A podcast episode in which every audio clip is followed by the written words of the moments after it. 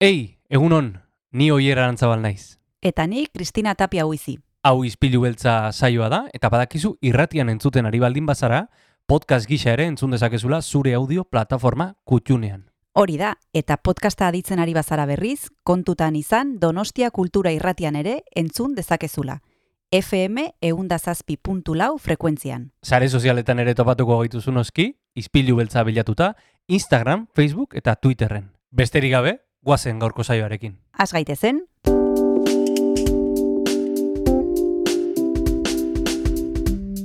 Ispilu beltza.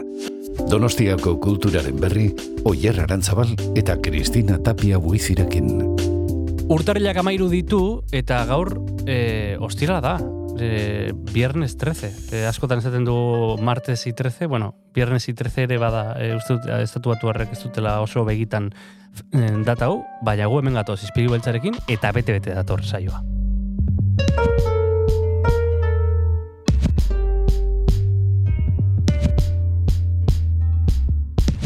Ostirala amairu, Kristina. E, bai, zor- pentsa, o- orain entzuten ari nintzen e, zure hautsa eta pentsatzen un jo, beti da edo ostirala amairu edo astearte amairu, oso maiz irutzen zaitokatzen zaizkigula olakoak, ja, Toka- ez du... Tokatu zaizkigu, eh? Baina ez dakit, ez dakit zu, zu preciso zaren, e, sinistuna zaren, edo... E, Ba, akordantzen naizenean, osea, que oso gutxi esango nizuke. Mm, de repente gogoratzen dut gatzarena, kato beltzarena, baino orokorrean ez diot kaso handirik egiten, ez dakizu nola, nola egiten duzun. ez, esango dugu agnostikoak edo ateoa garela, eta horrekin geratuko gara. Gaur, ostirala, gauza asko dauzkagu solasean aritzeko, e, batetik liburutegietara joateko aukera izango dugu, eta bestetik, Oskar Tejedor, zertara dator, Kristina? Bai, Oskar Tejedor badekizu ezaguna dela dokumentalak egiten dituelako, eta larrotxenen eskaintzen du ikastaro bat, realizazion de dokumentales izena du, eta oso elkarrizketa polita izango dugu, ze badekizu larrotxenen zinemaren buruz ikastaro mordoa daudela, eta ba, Oskarrek e, dokumentalei buruz e, e, ba, irakasten du, berak dakiena asko da, Mhm. eta oso bitxia izango da kontatuko diguna, izango digu ideiak e, norberan, norberak dituen ideiak kaleratu behar ditugula, ez dugula kopiatu behar, bueno, gauza oso interesgarriak klabe batzuk, nahi izan ez gero e, dokumentalen munduan e, sartu, eta gainera, zuk esan duzun bezala, liburutegietara joango gara, eta gaurkoan Ruben Bidal izango dugu hemen gurekin, berak ekarriko baitu komiki bat, beti egiten duen bezala, kasu honetan Rio izena du, Luis Garziak eta Korentin e, Rusek e, idatzi eta marraztutakoa, ikusiko duzu ez e, historio polita. Hori guztia jarraian izango da hemen, izpilu beltzean, Donostia Kultura irratian. Guazen Jon, musikarekin. Guazen.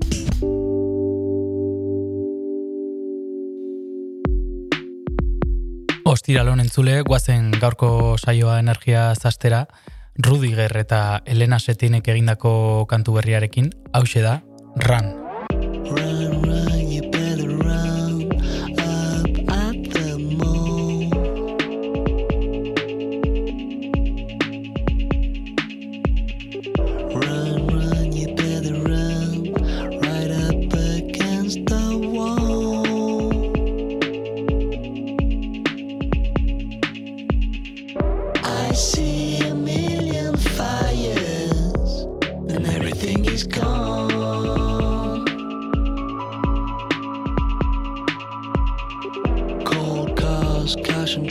You just say everything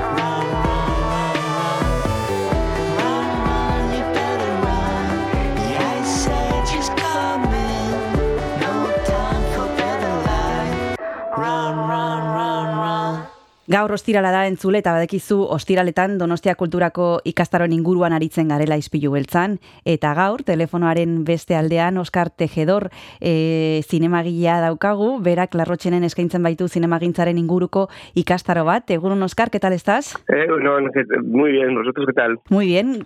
Hablamos contigo hace unos meses para que nos explicaras eh, en qué consiste el curso que impartes en La Rochene que se titula Realización de documentales. Por si alguien no escuchó esa entrevista entonces, vamos a intentar rescatar alguna de las cosas que ya comentamos y alguna otra nueva, espero que también. Eh, Como decíamos al principio, Oscar, en La Rochene a, a ti te toca impartir el curso que se llama Realización de documentales. Eh, quienes vayan... ¿Qué es lo que van a aprender? ¿Cómo enfocas tú el curso? Pues mira, eh, la verdad es que es, es interesante, es complejo y interesante a la vez porque ya sabes que la Rochene acoge a todo tipo de, de perdón, de, de, ah, de gente. Entonces puede haber gente que tiene mucha experiencia, Hmm. otra gente que no tiene nada de experiencia, pero eso es lo enriquecedor del curso, ¿no? Eh, de alguna manera, eh, aquel que ya sabe eh, o cree saber eh, porque viene quizás del mundo de la ficción, va a encontrar un mundo completamente diferente, que es el mundo del documental, donde es un, eh, el, el- guion está móvil continuamente, se está modificando, eh, porque se está adaptando a las circunstancias que es la vida. Y, eh, y el que no tiene eh, absolutamente o cree no tener ningún conocimiento, porque viene de otros campos, porque es un arquitecto, un albañil o cualquiera, lo que hace es conseguir que aquella idea que siempre ha querido ponerla en imagen, pues pueda tener las herramientas suficientes para contar su propia historia, ¿no? O contar a aquella historia que le, que le llega y que, que, que quiere de alguna manera pues plasmarlo en imágenes, ¿no? Entonces, yo creo que esa, ese abanico es lo que se consigue en la Rochelle, ¿no? Por un lado, los, los semiprofesionales y los que no son tan profesionales, pero quieren eh, de alguna manera traducir sus ideas en proyectos audiovisuales. Así a priori, Oscar, tú dices que eso es lo enriquecedor de este, de este curso y de la Rochene. Eh, suena un poco difícil conjugar, yo desde el punto de vista de- del profesor, en este caso tú, eh, conjugar Sí. esos dos perfiles de personas, ¿no? Eh, semiprofesionales con gente que no tiene, eh, bueno, mucha idea de este mundo, que no tiene experiencia. Eh, ¿Cómo haces para que ambos perfiles encuentren su hueco en, en el curso? Pues con mucha psicología y pedagogía. es decir, sí, es, eh, es bastante complejo. Cada año es. eh, yo. mm, el, miedo que tengo es de qué personajes voy a encontrar dentro del grupo. Eh, pero no sé qué pasa, se, eh, ocurre algo dentro de estos cursos. Eh, se aprovechan unas sinergias increíbles, aquellos que saben eh, algo de técnica, pero igual no saben llevarlo, digamos, a, no saben eh, hacer eh, síntesis de lo que quieren contar, y aquellos que igual no tienen nada, pero tienen un potencial increíble, ¿no? Pero sí que es verdad que el condimento que, que traspasa a todos este tipo de, de- de- de caracteres, personalidades, es la psicología y eh, crear unos mimbres de, de- de- entendimiento para que todo el mundo pueda aportar y pueda crecer en la medida que, eh, que, pueda o, que, tenga capacidades para crecer. Pero sí que es verdad que al principio es un poco arriesgado, eh, pero como el documental frente a la ficción es siempre un riesgo. Sabes cómo empiezas, pero nunca sabes cómo acabar. ¿no? Entonces, para mí también es, eh, es también eh, un motor el hecho que tenga siempre esos challenges, esos, esos retos en los que eh, pues eh, trabajar, ¿no? Mm. La idea, Óscar, es que cada uno termine con un proyecto más o menos al que ya le ha terminado de dar forma, que vayan trabajando la idea en el camino y que al final del curso tengan qué, por ejemplo. Sí, mira, en principio yo lo que aconsejo a todo el que quiera venir al curso es que tenga ya una idea, una idea de qué quiero contar, ¿no? ¿Qué Ujú. me gustaría a mí contar? ¿Por qué? Porque es mucho más fácil aplicar la teoría a la, a- a la práctica, ¿no? Eh, eh, porque muchas veces cuando, cuando el alumno es pasivo y solo eh, viene a escuchar, pues no, no llega a avanzar tanto como aquel que ya tiene una idea y eh, lo implementa a través de la práctica, ¿no? Porque ahí se da cuenta de todos los obstáculos que se enfrenta y da un paso mucho más cualitativo que aquella persona que quizás pues no viene con ningún proyecto. No obstante, eh, yo a modo de ejercicios, tienen ejercicios eh, todas las semanas, eh, ellos van buscando aquella idea o yo incluso les propongo nuevas, unas ideas nuevas o temas para desarrollar, porque lo que sí que me interesa es que trabajen mucho para que se den cuenta de la dificultad, porque cuando lo leemos en papel se sostiene todo, pero cuando empezamos a trabajar en la práctica es cuando nos damos cuenta de los problemas eh, que surgen a lo largo de todo este proceso de creación documental. Y sobre todo, hasta ahora, lo que te has encontrado tú, hablando del perfil de las personas que asisten a este curso, eh, ¿qué tipo de gente es? Sobre todo son semiprofesionales, sobre todo es gente que no tiene nada que ver con este mundo, sobre todo son jóvenes, ya gente más talludita, sobre todo mujeres, hombres. ¿Cuál es el perfil que te has encontrado hasta ahora? Pues es que tampoco podría definir o, sacar una regla general de, de las personas que suelen venir, porque es, eh, como decía antes, es muy amplio y muy enriquecedor al mismo tiempo. Sí que es verdad y me alegro muchísimo que eh, es notable la, la participación de mujeres dentro del curso y la verdad es que tienen una visión eh, diferente, diferente eh, y que es muy enriquecedora al grupo.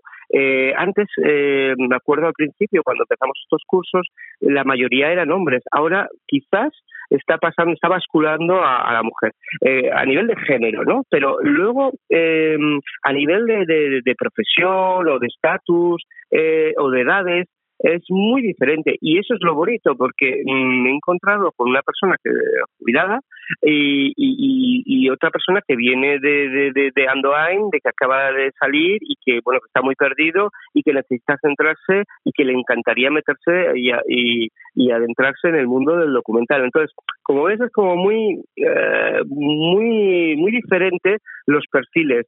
Y, y sí, eh, volviendo a la pregunta inicial, es complejo, pero también es muy bonito porque eh, para ser documentalista tienes que tener muchas capacidades, eh, no solo técnicas, sino psicológicas, eh, empáticas, eh, reflexivas.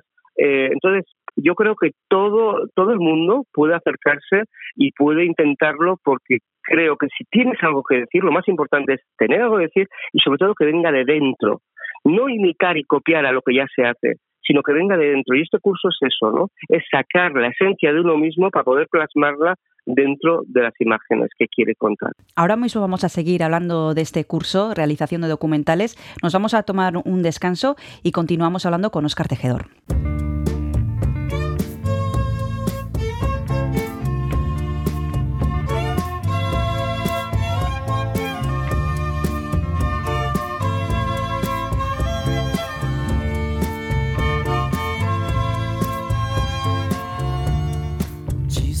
Cry. You can rely on me, honey. You can combine anything you want. I'll be around. You were right about the stars. Each one is a setting sun. Tall buildings shake, voices escape, singing sad, sad songs. Tuned to chords strung down your cheeks, bitter melodies, turning your orbit around. Don't cry. You can rely on me, honey. You can come by anytime you I'll be around. You right about the stars. Each one is a setting sun. Tall buildings shake, voices escape, singing sad, sad songs. Chords strung down your cheeks, bitter melodies, turning your orbit around. Voices whine, skyscrapers are scraping together. Your voice is smoking, and last cigarettes are all you can get, turning your orbit around. out of, out of, out of is all we have. Out of, out of is all of God's money. Everyone is a burning sun.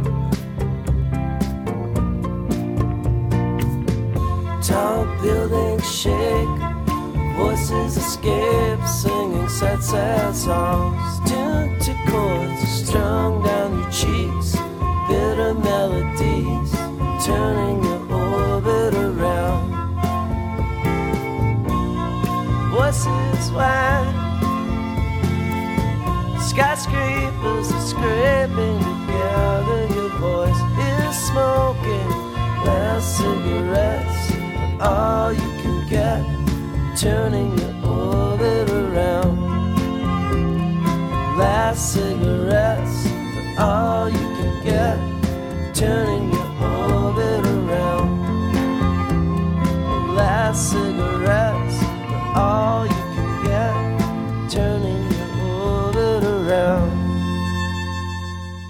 Izpilu beltzan gaude entzule eta gaur Donostia Kultura irratira gonbidatu dugu Ostar Ketejedor zinemagilea berak eskaintzen baitu Larrotxenen realización de documentales izena duen ikastaroa eta izan ere ikastaro horren inguruan ari gara berarekin hitz egiten. Estábamos hablando de los documentales. Eh, antes has dicho una cosa curiosa que tal vez haya muchas personas que desconozcan y es que em, sabemos cómo empieza pero no sabemos cómo termina. Esta podría ser una de las particularidades del documental. Eh, la gente sabe muy bien que va a, un curso de documental. Eh, no sé si tenemos eh, demasiado metido en la cabeza pues la ficción, ¿no? Y yo no sé si la gente que se acerca tiene muy claro eh, a qué va, eh, tratándose precisamente de eso, de un documental y que tiene sus características particulares. Sí, parece una buena pregunta porque es verdad que eh, hay muchos a priori con el tema del documental, ¿no? Eh, tenemos la idea de que el documental tiene que ser tedioso, eh, algo histórico, Hmm. incluso como muy fidedigno, Hmm. etcétera. Tenemos que saber que eh, el- el hacer una película documental es hacer una ficción, porque cogemos realidades, pedazos de la realidad, y nosotros la, la- la, eh, la construimos creando una ficción. El hecho de que eh, elijamos diferentes puntos de vista de un personaje que estamos retratando no es lo mismo que yo puedo contar la historia de, de Franco desde mi punto de vista o, de una persona mm, actual, es igual, o sea, he puesto algo histórico, pero eh, dependiendo qué retazos o qué pedazos de, de la vida de este personaje yo lo puedo ensalzar o lo puedo eh, victimizar o lo puedo, no lo sé. Eh, entonces, eh, tenemos que tener claro que estamos contando una ficción que eh, se habla del documental como que es algo, evidentemente tiene que ser veraz, pero eh, siempre hay una transformación porque hay un punto de vista y eso es lo que quiero rescatar de cada uno de ellos, su punto de vista, ¿no? Desde dónde miran. Y la primera semana lo que sí que trabajo son las miradas, ¿no? Cómo mirar la vida, cómo mirar el documental, la historia del documental para ver un poco esa evolución de lo que es, porque el, el cine empezó siendo documental, siendo retratando realidades, realidades desde un punto de vista del realizador que captaba aquello que eh, quería quería enseñar. Pero si en ese mismo momento hubiera ido otra persona con el mismo tema, hubiera sido una película completamente diferente. Entonces, es importante eh, desmontar, eh, digamos, los clichés que tenemos a lo largo de, o sea, el, eh, de la historia sobre el documental, porque son relativamente falsos y la gente no viene instruida y hay que eh, y luego cuando entran en este mundo se enganchan de una manera que ya no pueden soltarlo porque ven que es un mundo completamente aparte y desconocido para ellos. ¿no? Hace varios meses, y justo la semana que viene también vamos a tener aquí a Michel Gastambide, y él también nos hablaba de la mirada. Algo que a priori tú dices, todo el mundo tiene una mirada, sí, pero eso no sé si se aprende a, a- a subrayar esa mirada, aprender a mirar, decías tú también. Yo no sé si eso es algo que tiene cada uno o que se puede ir aprendiendo con diferentes, eh, bueno, como eh, con este curso, por ejemplo, con otros, eh, o, eso se tiene o no se tiene, Oscar. Eh, no, yo creo que se tiene, eh, lo que pasa es que saber ver. Eh, es decir, que, eh, como decía antes, todo el mundo es capaz de contar una historia y sobre todo de imitar cómo se cuentan las historias, pero lo más importante es mirarse a, uno mismo, ¿no? Mirar por dentro. Entonces yo lo que intento es que ellos vean por qué yo miro de esta manera. Traducir eso, por qué yo soy el que me intriga esta historia, qué hay dentro de mí que me apela a esta historia. Y esas ya estás buscando tu mirada. Por eso decía que, tiene mucha relación con lo psicológico, el, el- el- el documental. Eh, entonces, cuando llegamos a mirarnos dentro, es cuando podemos traducir eh, mejor eh, las ideas que teníamos preconcebidas, ¿no? Entonces, eh, eh, no, es cuestión de, Una cosa es la creatividad, que eso sí que es verdad, que se tiene o no se tiene, mm, pero la creatividad es más el cómo lo contamos, pero el qué contamos y por qué lo contamos y desde dónde lo contamos, eso se aprende y se aprende en estos cursos, ¿no? De mirarse para adentro y decir, esta historia que a mí me llena de rabia, de rencor, de frustración, de qué sentimiento tengo yo hacia esta historia, por qué a mí me toca y por qué yo lo quiero contar y por qué soy yo el que la quiere contar. Y esas cuestiones, eh, un buen do- documentalista se tiene que responder antes de abordar cualquier tema, porque luego ya es técnica y es sumado a una pizca de creatividad. Pero también la creatividad se aprende viendo. Se aprende porque al final estamos copiando modelos. Hoy en día no está todo ya aprendido en el cine y lo que hacemos es replicar modelos ya existentes. Entonces, eh, la creatividad sí eh, viene de uno, pero también es eh, la costelera que hace uno con el bagaje de lo que ha aprendido, lo que ha visto y lo que sabe. Hmm.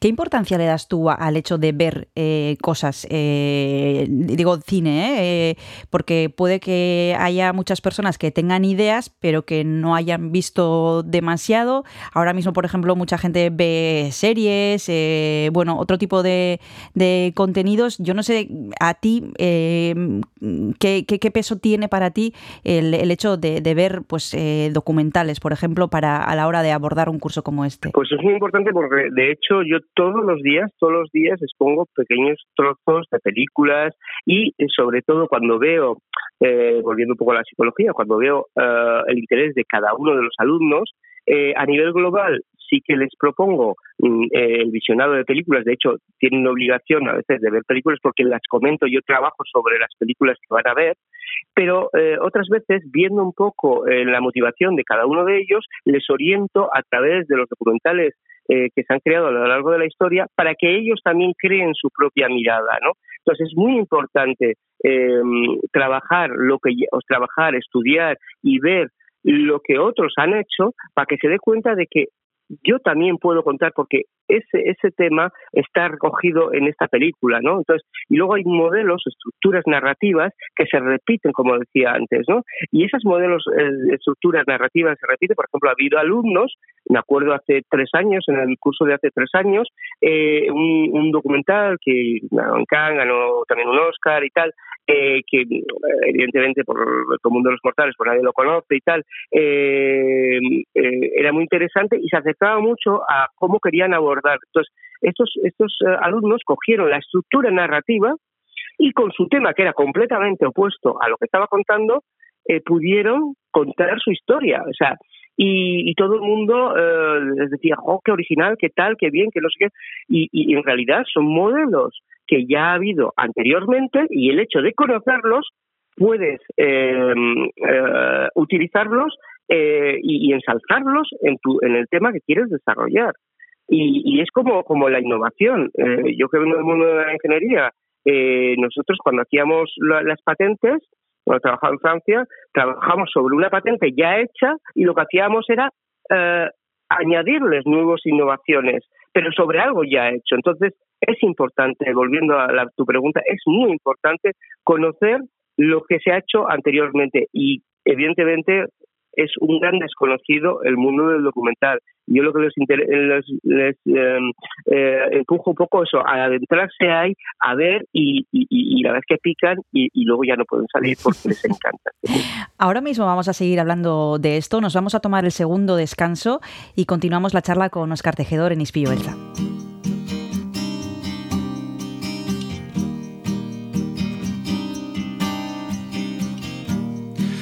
and I, might be strangers. However close we get sometimes, it's like we never met. But you and I, I think we can take it. All the good with the bad, make something that no one else has but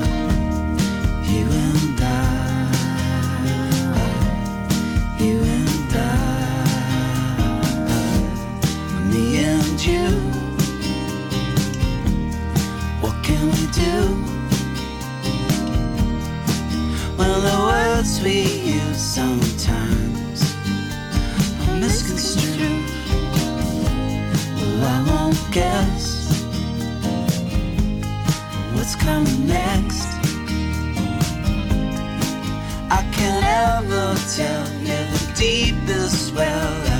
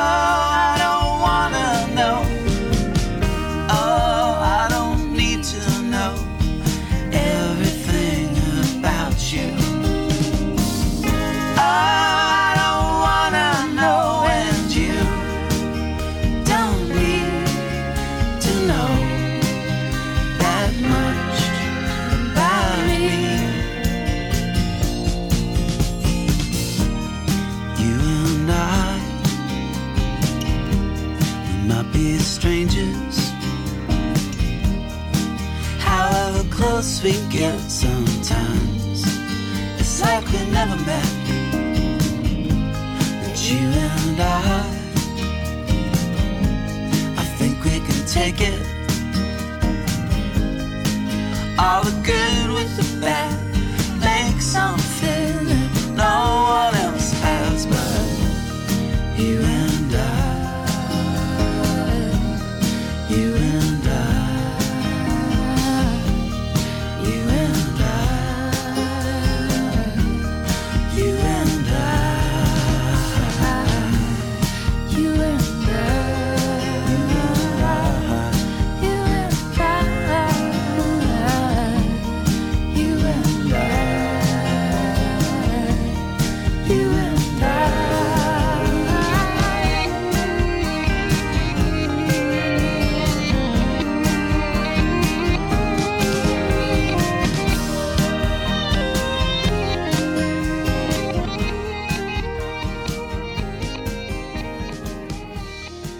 Gaur zinemagintzari buruz ari gara hitz egiten eta horretarako gonbidatu dugu Oskar Tejedor, berak larrotxenen eskaintzen baitu realización de documentales izena duen ikastaroa, eta ari ginen hain zuzen ere eh, kurtsonen inguruan hitz. Estábamos hablando de estructuras narrativas, de un montón de cosas. Yo no sé si la gente llega ya deseando grabar el plano, eh, con ganas de, empezar, bueno, no sé si ese sería casi el último paso, eh, porque tú estás hablando de muchísimas cosas que se tienen que trabajar previamente a eso, y yo no sé si con las prisas que tenemos todos hay mucha gente que quiere eh, grabarlo primero. Sí, eh, tienes toda la razón. Sí, hay mucha gente, sobre todo los jóvenes, bueno, jóvenes y no tan jóvenes, ¿no? De que quieren ya coger la cámara, ponerse a trabajar, etcétera, etcétera, ¿no? Y me parece muy bien y, y lo entiendo perfectamente, ¿no? Pero yo lo que eh, los- lo que eh, intento es que crear eh, una frase narrativa audiovisual, es decir, cuando tenemos una frase eh, literatura, empezamos eh, primero con, con, pues eso, con, una palabra, ¿no? Con, con algo que nos lleve, eh, que nos llame la atención, ¿no? Pues eh, lo primero que hacen es, el primer ejercicio básico es crear un plano con el móvil. eh, es decir, un plano es desde el momento que hacen clic en la grabación hasta que clic eh, finalizan. Eso es un plano, ¿no? Entonces, luego el siguiente ejercicio ya es con tres planos. Entonces van contando historia y, y al mismo tiempo yo les voy dando información sobre cómo mirar, ¿no? Eh, lo ponemos todo sobre la mesa y es donde se dan cuenta de que, eh, de que em, igual las prisas les lleva a equívocos. Es decir, si no han reflexionado previamente, porque el documental lo bueno que tiene, lo bueno, lo difícil, lo complicado, es que hay que desarrollarlo muy mucho antes de empezar a, a tomar la cámara, eh, entonces, eh, lo que intento es que a través de sus equivocaciones, sus errores, se den cuenta de la importancia de trabajarlo previamente. Pero sí que es verdad que hay como una premura de, ay, ya, ya tengo que salir y a grabar y tal, pero a ver, ¿qué quieres contar, no? Siempre les pongo el ejemplo, ¿no? Que hay mucha gente, sobre todo los que empiezan con su primer trabajo, que no hacen más que grabar, grabar, grabar, se encuentran con 80 horas de grabación y luego no hay ni Dios que lo monte porque no saben, pues no han encontrado todavía ni ese punto de vista, ni esa estructura narrativa, ni saben lo que quieren contar porque se han perdido con tanta información. Entonces, es importante también que, que, se lancen y es importante que se equivoquen para volver otra vez a recogerlos y ordenarlos para que tengan un buen funcionamiento dentro del, documental. Hmm. Estás dando un montón de ideas, Oscar, y yo no sé si alguna de la que has citado tú aquí te hubiera gustado escucharla cuando tú empezabas. Que alguien te hubiera dicho, eh, piensa primero, que alguien te hubiera dicho, bueno, ve, do- ve documentales, alguien, al que alguien te hubiera dicho algo que te hubiera venido bien entonces. ¿Qué hubiera sido eso? Oh, pues totalmente de acuerdo, porque yo de alguna manera soy autodidacta, eh, yo no venía del mundo, yo no vengo de una gran escuela de, de documentales, todo lo contrario, yo he ido formándome puntualmente en diferentes áreas que a mí me interesaban, eh, tanto aquí como en el extranjero, y entonces cuando yo me metí aquí, pues era mm, pues un mar de, de- de dificultades y de, y, de, y de obstáculos, ¿no? Entonces a medida que me iba cayendo, pues iba aprendiendo. Entonces siempre les digo a los alumnos, yo es mi manera de ver la vida eh, a través del documental. Os voy a enseñar cosas que a mí, eh, si los hubiera sabido cuando yo empecé, me hubiera ahorrado muchísimo tiempo y muchos quebraderos de cabeza.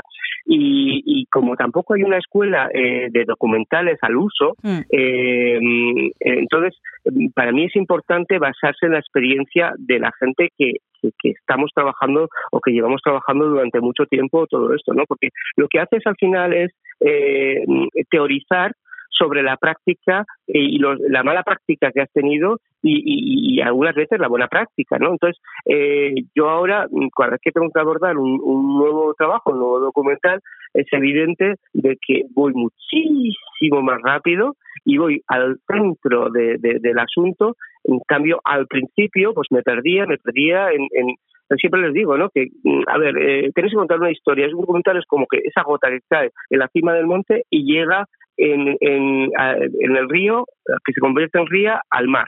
Entonces, no os podéis quedar en, en, en- en meandros o en riachuelos que luego no llevan al mar. Tu objetivo es llegar al mar con esa gota, que se va aumentando poco a poco de información de otras gotas, de otras gotas, de otras gotas, para llegar a un caudal, caudal potente para llegar al mar, ¿no? Entonces, ese camino rápido yo ahora ya lo sé, pero los alumnos tienen tendencia a quedarse a quedarse en, en- pequeños riachuelos que quizás eh, acaban en eso, ¿no? En, un pequeño estanque.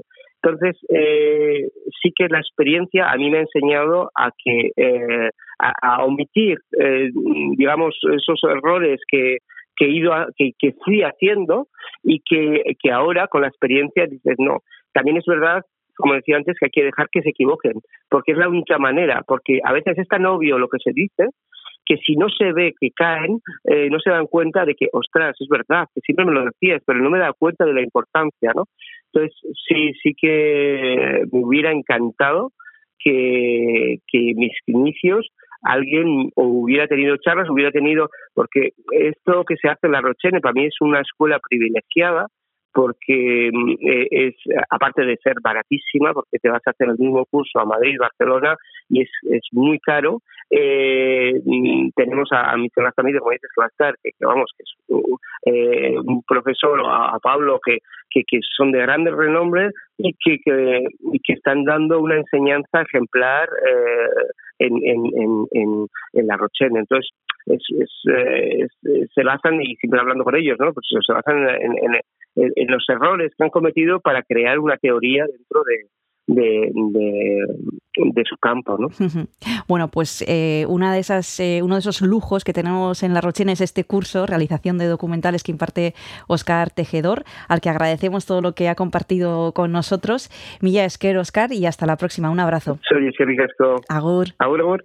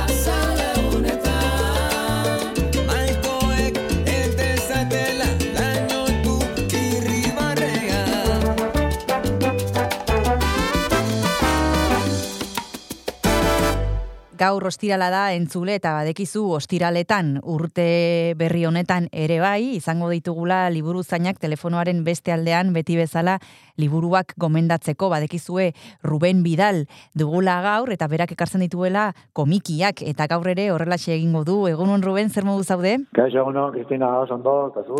Oso ondo, urte berria indar betez, e, indar beteta hasi dugu, eta bueno, ba, komikiak e, e, ekarri dituzu, e, bueno, komiki bat ekarri duzu gaurkoan, beti egiten duzun bezala. Gaurkoan e, gauza oso bitxi bat, e, Rio, izena du, edizion integral izene, izeneko liburu bat, e, Gux eta Luis Garziak e, egindakoa.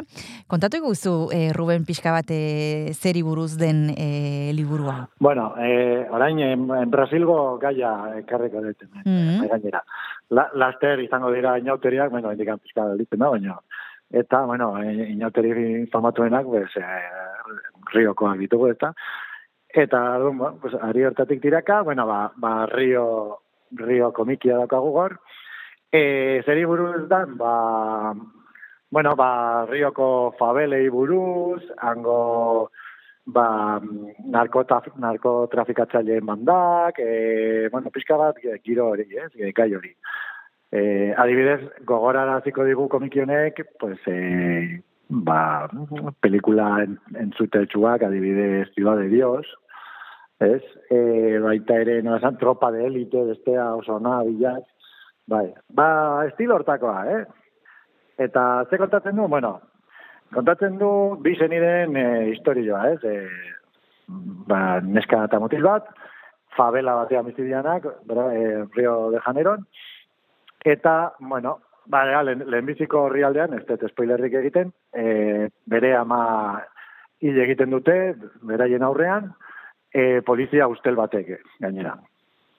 Eta gainera, hor atzean, ba, badago, e, santera edo sorgin bat, ba, Brasilgo ba, magia beltza eta, bueno, edo erligio, ez, erdi, zazi, afrikarrak eta, e, ba, bueno, pues, hor azaltzen da sorgin bat, eta horrek mm, emakume edo ama horri madarikazio bat e, botatzen dio, eta horrela, bueno, poliziak ba, hil egiten du, ba, seme, seme alaben aurrean. Bueno, horrela esan da, igual, pixka fantastikoa gelditzen da.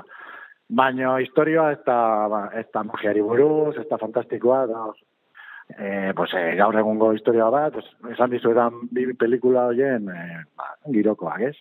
Ba, ba, kri, bueno, ba, kritika soziala, ba, e, barrioko fabeletako ba, giro, ez, e, pobrezia, narkotrafikoa, violentzia, e, poliziaren ustelkeria, eh, gobernadoren edo politikarien ustelkeria, bueno, pizkat, horiek dira osagaiak. Eta aipatu behar dugu, e, gidoigilea e, Brasilekoa dela, e, Luis García, eta aldiz e, marrazkilaria Frantziakoa, e, kojentan guz, bueno, gidoilaria e, Brasilgoa da, baina gero bere karrera edo ibilbidea e, Frantzian egin du, agian horregatik e, elkar ezagutu dute biak. E, irakurri dut, e, Ruben, eta ez dakit ados egongo zaren, oso erritmo handiko liburua dela, ez dakite errex irakurtzen den hoietako bat den. Bai, bai, bai, e, gabe, e, ritmo bizia du, e, oso ondo gidoia ba, oso ondo neurtuta dago. Gainera, e, zaila da, ze zaila esate dut, e, osagai asko ditu, eta e, danak oso ondo nahazten ditu, eta azkenean ez da oso astuna egiten, eh? Osea, pertsonai asko daude ere bai, eta e, ba, bigarren mailako pertsonaiak ere garrantzi handia dute, eta horiek eh, oso, oso ondo txertatuta daude, eta e, ez zara galtzen, ez da erresa galtzea, zen daite, ba, aldertatik oso, oso ondo e, atera zaio lana e, Luis García giroilariari. Eta esan bezala, hori, bera izatez Brasildarra, baina Frantzia e, bizi da orain, eta marrezkilaria, ba, kojanta guz, Bueno, itzengo dugu aurrerago pixkat. Bai, bai aurrerago itzengo dugu, badekizu e, tarteak hartzen ditugula gure solasaldietan eta horretarako e, abestiak eskatzen ditugu lamen izpilu beltzan, eta gaurkoan ere horrelaxe egingo du Ruben. E, Brasilen gaude, nik ezakit horrekin lotura duen zerbait proposatuko duzun, edo ez, ze kanta jar dezakegu? Jakina, jakina, nola ez ba. Orduan, bueno, Be, begiratzen jardun dut, eta, bueno, ba, okurritu zait, ba, nola ez, e, aipatu tropa delite horren ba, abesti bat, pues, eh, eskatu nahi nizuke, Tijuana izeneko bat. Ederki, bagoazen entzutera.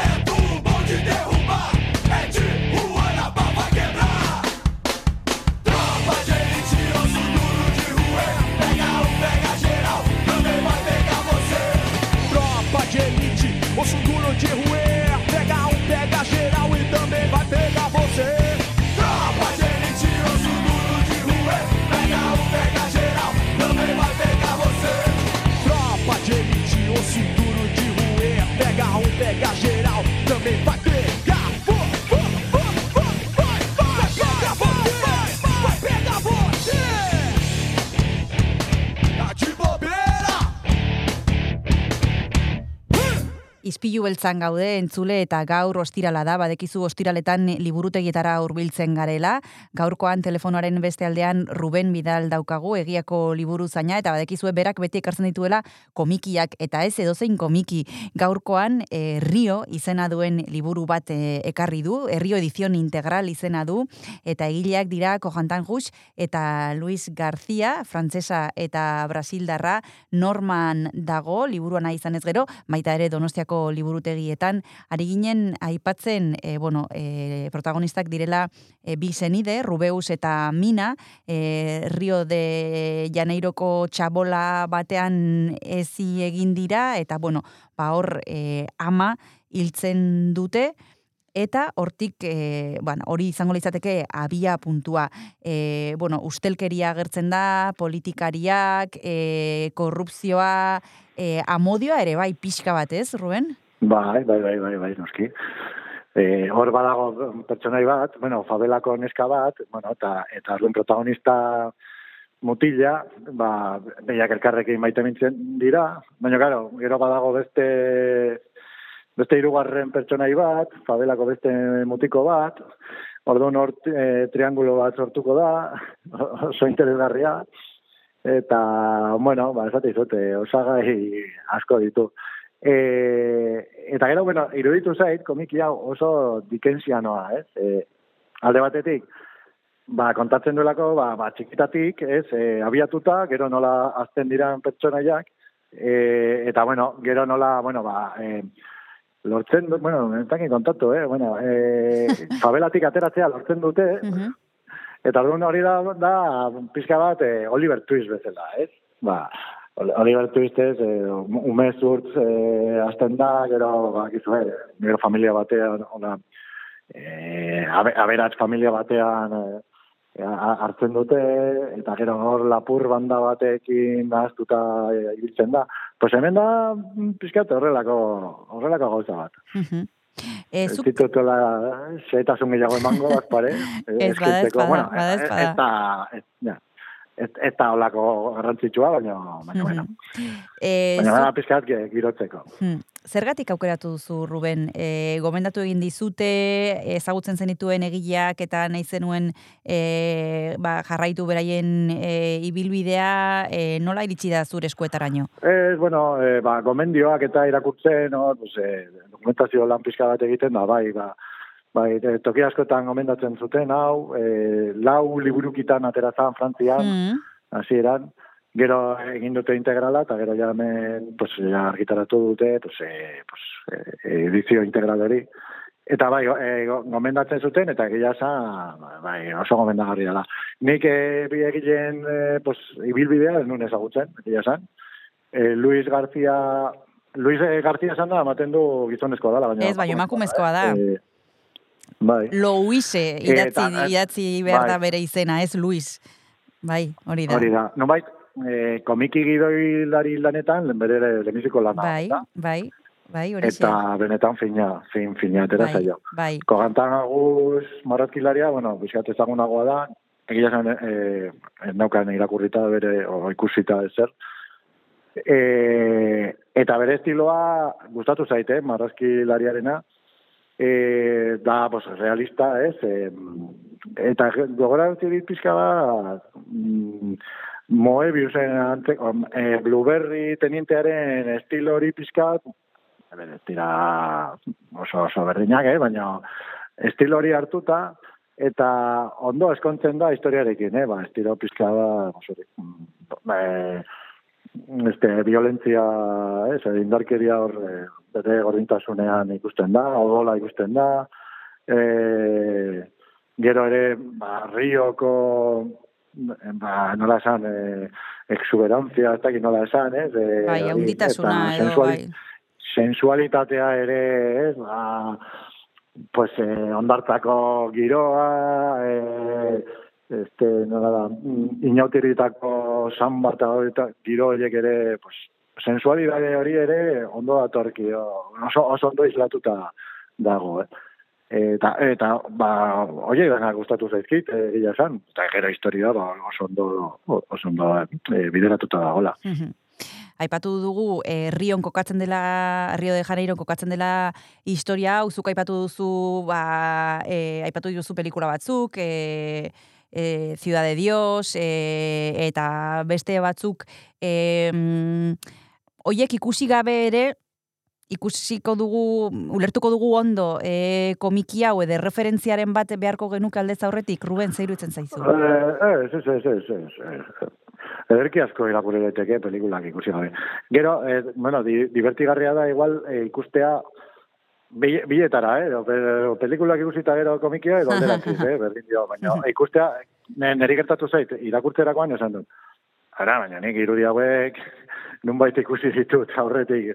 E, bai, pues, e, ba, ba, oso fabelen da, Osea, irudi batzuk horiek, pues, pelikularenak bezalakoak dira, ez? E, zehatz mehatz, tropa de elite esango nuke, hola, irudi batzuk ikusten dira.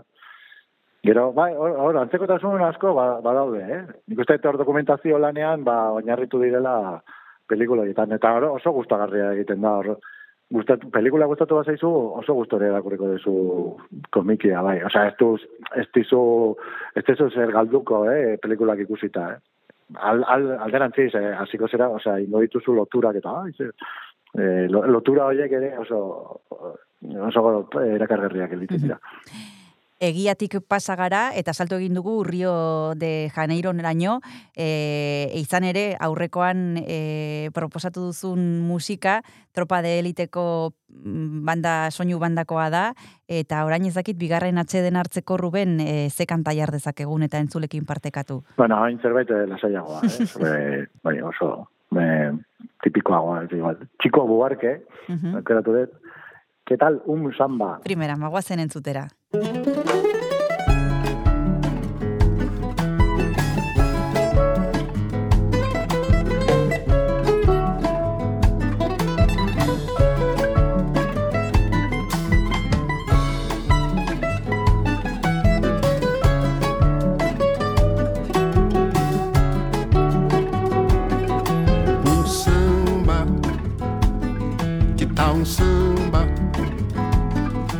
Puxar um samba, que tal? Para espantar o tempo feio, para remediar o estrago. Que tal um trago? Um desafogo, um devaneio. Um samba pra alegrar o dia, pra zerar o jogo. Coração pegando fogo e cabeça fria. Um samba com categoria, com calma. Cair no mar, lavar a alma. Tomar um banho de sal grosso, que tal? Sair do fundo do poço. Andar de boa. Ver um batuque lá no cais do Valongo. Dançar o jongo lá na Pedra do Sal. Entrar na roda da gamboa. Fazer um gol de bicicleta, dar de goleada. Deitar na cama da amada e despertar a poeta. Achar a rima que completa o estribilho. Fazer um filho, que tal? Pra ver crescer, criar um filho. Bom lugar, numa cidade legal. Um filho com a pele escura. Com formosura. Bem brasileiro, que tal? Não com dinheiro, mas a cultura. Que tal uma beleza pura no fim da borrasca? Já depois de criar casca e perder a ternura. Depois de muita bola fora da meta. De novo com a coluna ereta, que tal? Juntar os cacos e ir à luta. Manter o rumo e a cadência. Esconjurar a ignorância, que tal? Desmantelar a força bruta. Então que tal puxar um samba? Puxar um samba legal. Puxar um samba porreta. Depois de tanta mutreta. Depois de tanta cascata. Depois de tanta derrota. Depois de tanta demência. E uma dor filha da puta que tal? Puxar um samba. Que tal um samba?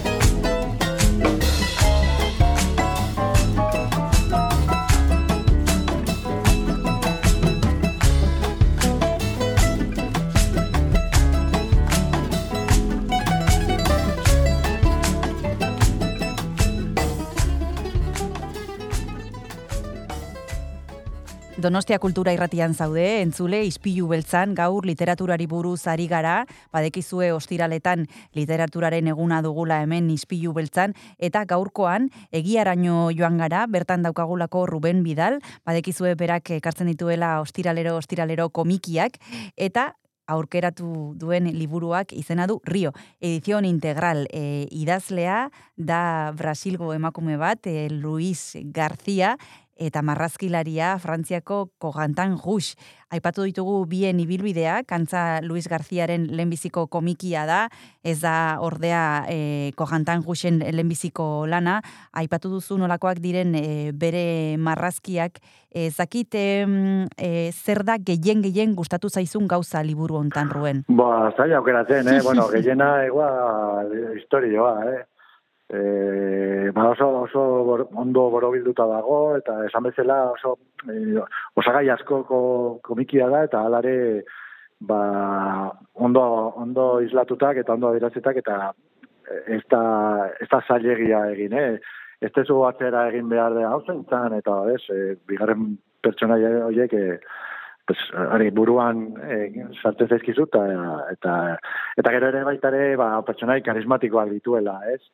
E, protagonistez aparte, pues, badago beste mutil bat, ez? Bueno, ba, maitasun triangulo, triangulo horren barruan badago beste protagonista bat, ez? E, ba, ba, oso, eta gero, e, eta gero, pues, e, mafiosoak edo fabelako e, buruzagi, ez? E, violento horiek ere, pues, oso ikonikoak egiten dira, agian arketipikoak ez, gaur egun ja, bueno, pues, askotan ikusita dauzkagu, baina baina ez, e, gustagarriak egiten dira bai. Mhm. Egon da zerbait ez zaizun hainbeste gustatu? Mm, pega txikiren bat jartzekotan, zer jarriko zenioke? Pega txikia, ba, ez, ez nioke, ez, ez nioke pe- pegarik jarriko egia esan, eh? oso gustora gelditu naiz irakurketarekin. Eta bai, e, ba, gogotxu, ba, bi artista hauen e, lan, urrengo lanak ikusteko.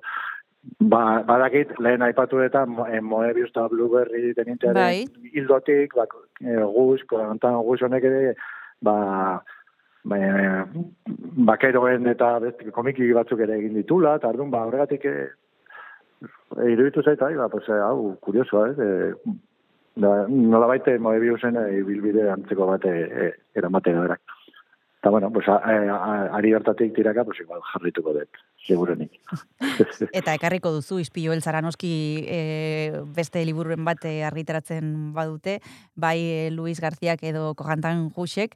E, Ruben, zuk zein gomendatuko zenioke liburu hau? Zeinentzat mm, da, e, liburutegiria eta horreko balitz norbait, ze pertsonari esango zenioke, hau. Ba, bueno, ume, ume bati ez nioke gomendatuko, Mhm. esan, eh, aipatu bezala, ba, ba, estena gordinak eh, islatzen dira, eh, violentzia, oso, eh, nahiko violentoa da, eta pizkat gero ere bai, pues, ma- magia beltza eta horre oilarrak ezea, ez, e, la banka da sakatzen, a, bueno, da pizkat hola trukulenta batzutan.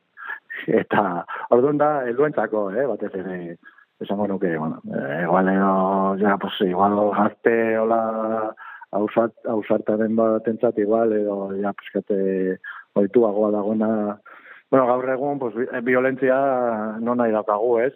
E, telebistan, baz, esanik ez, ardun, bueno, askotan, esate zuzuz, nahi, igual ez diozu gomendatzen hori, baina, pero, Bai, pues, gero, eh, gure ingurunean, da, violentzia bestirik eta, gota, ardun, bueno, en fin. Baina bai, el, el, el, el dugu bati. Bai.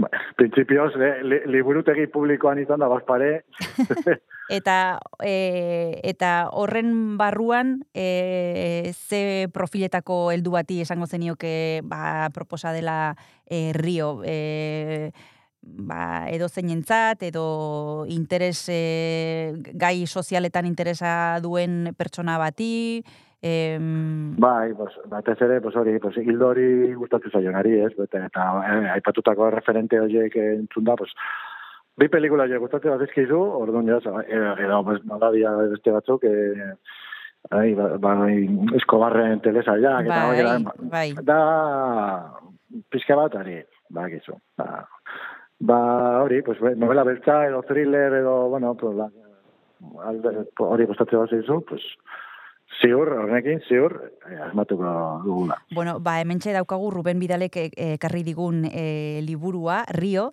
edizion integral, eh, Kojantan Jusek eta Luis Garziak eh, egindakoa, norbaitek eh, nahiko balu urbildu Brasilera eta hain zuzen ere Rio de Janeiron eh, ba, bizi duten eh, egoerara, eh, komiki aproposa du, eskuartean eh, nahi izan ez gero, esan bezala normak eh, argitaratu du eta liburutegietan ere badaukazue aukera hartzeko.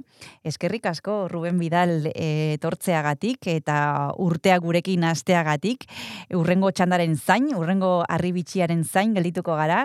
Eskerrik asko esan bezala eta urrengo arte, besarkada bat. Ba, ba, eskarrik asko, zuri, Kristina, beste behin ere plazera izan da, eta ba, urrengo arte, espero dute gozatzea komiki berri honekin. Seguru baietz. Agur. Agur.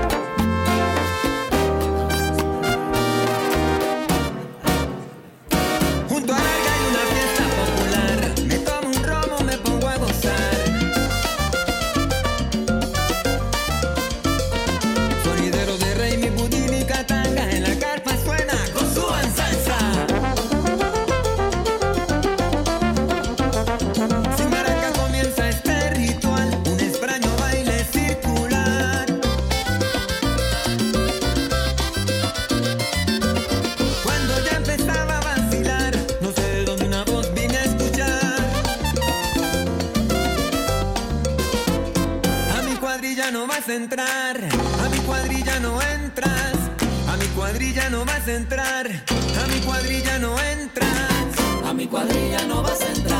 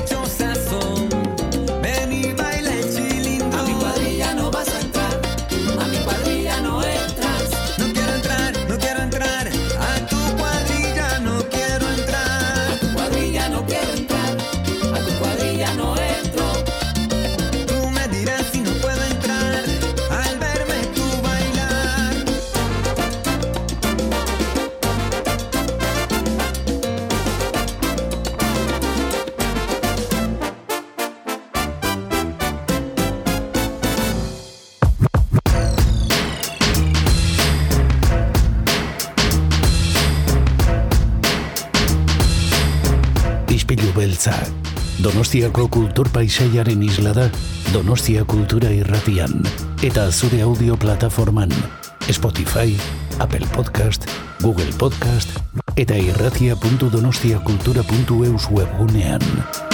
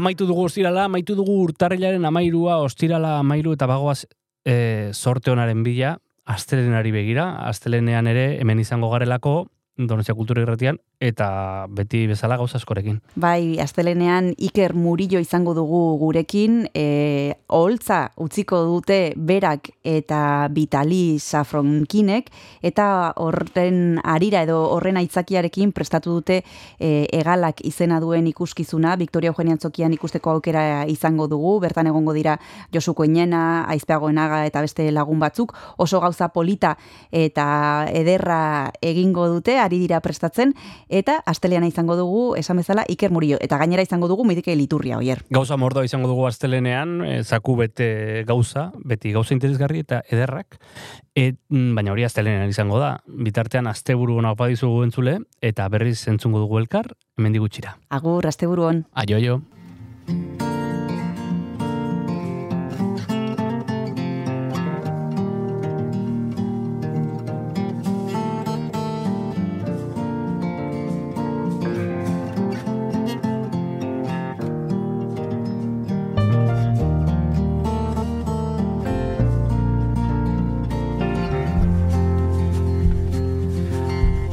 Is how I tell it.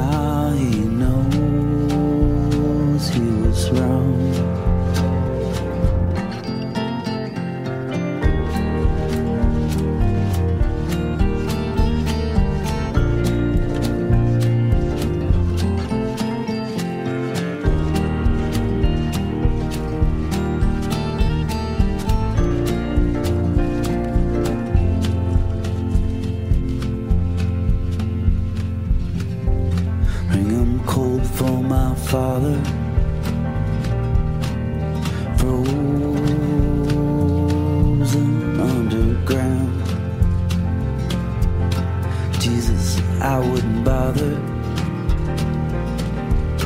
He belongs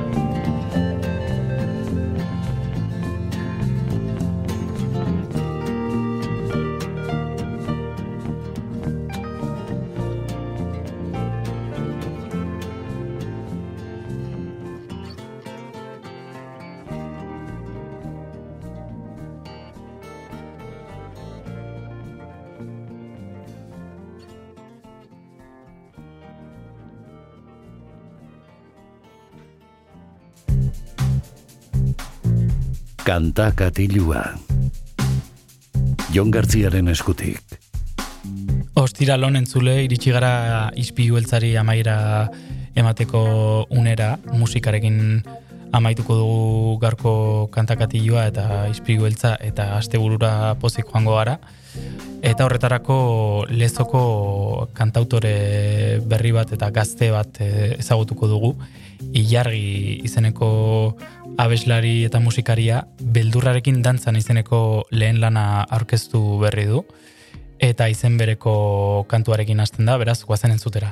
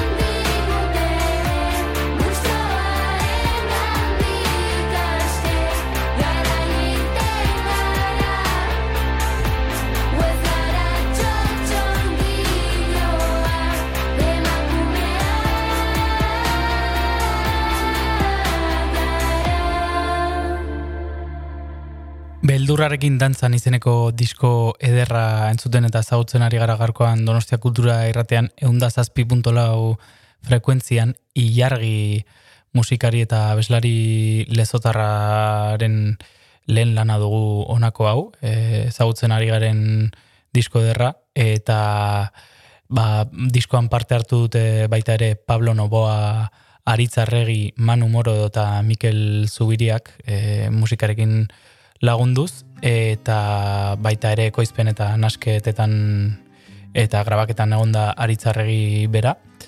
E, guazen entzutera urrengo abestia, orain txentzun duguna izan da txotxongio izeneko kantua, eta urrengo kantua da dominazioa izeneko abestia. Dena grisia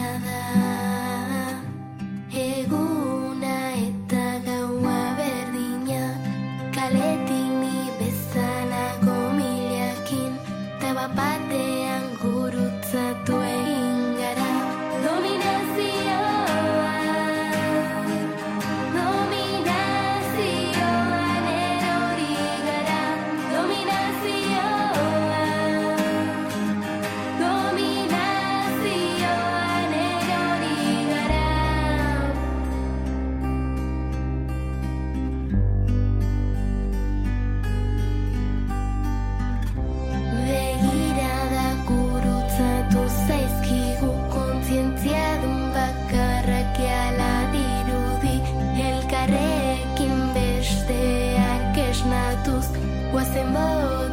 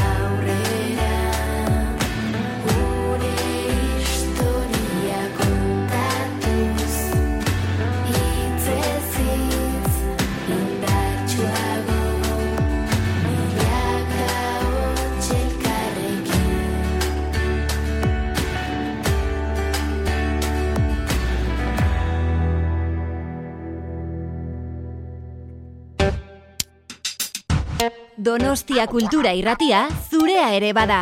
Zatoz eta parte hartu.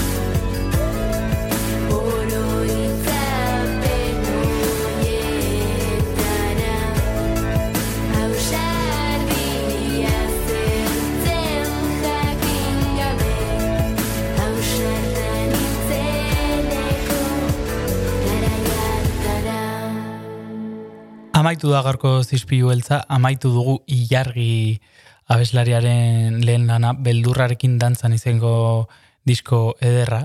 Eta orain txentzun duguna izan da, itzuli izeneko kantua azkeneko abestiarekin utziko zaituztet, uoldeak izeneko kantuarekin, eta astelenean bueltan izango gara, beraz, aste buruon eta astelener arte.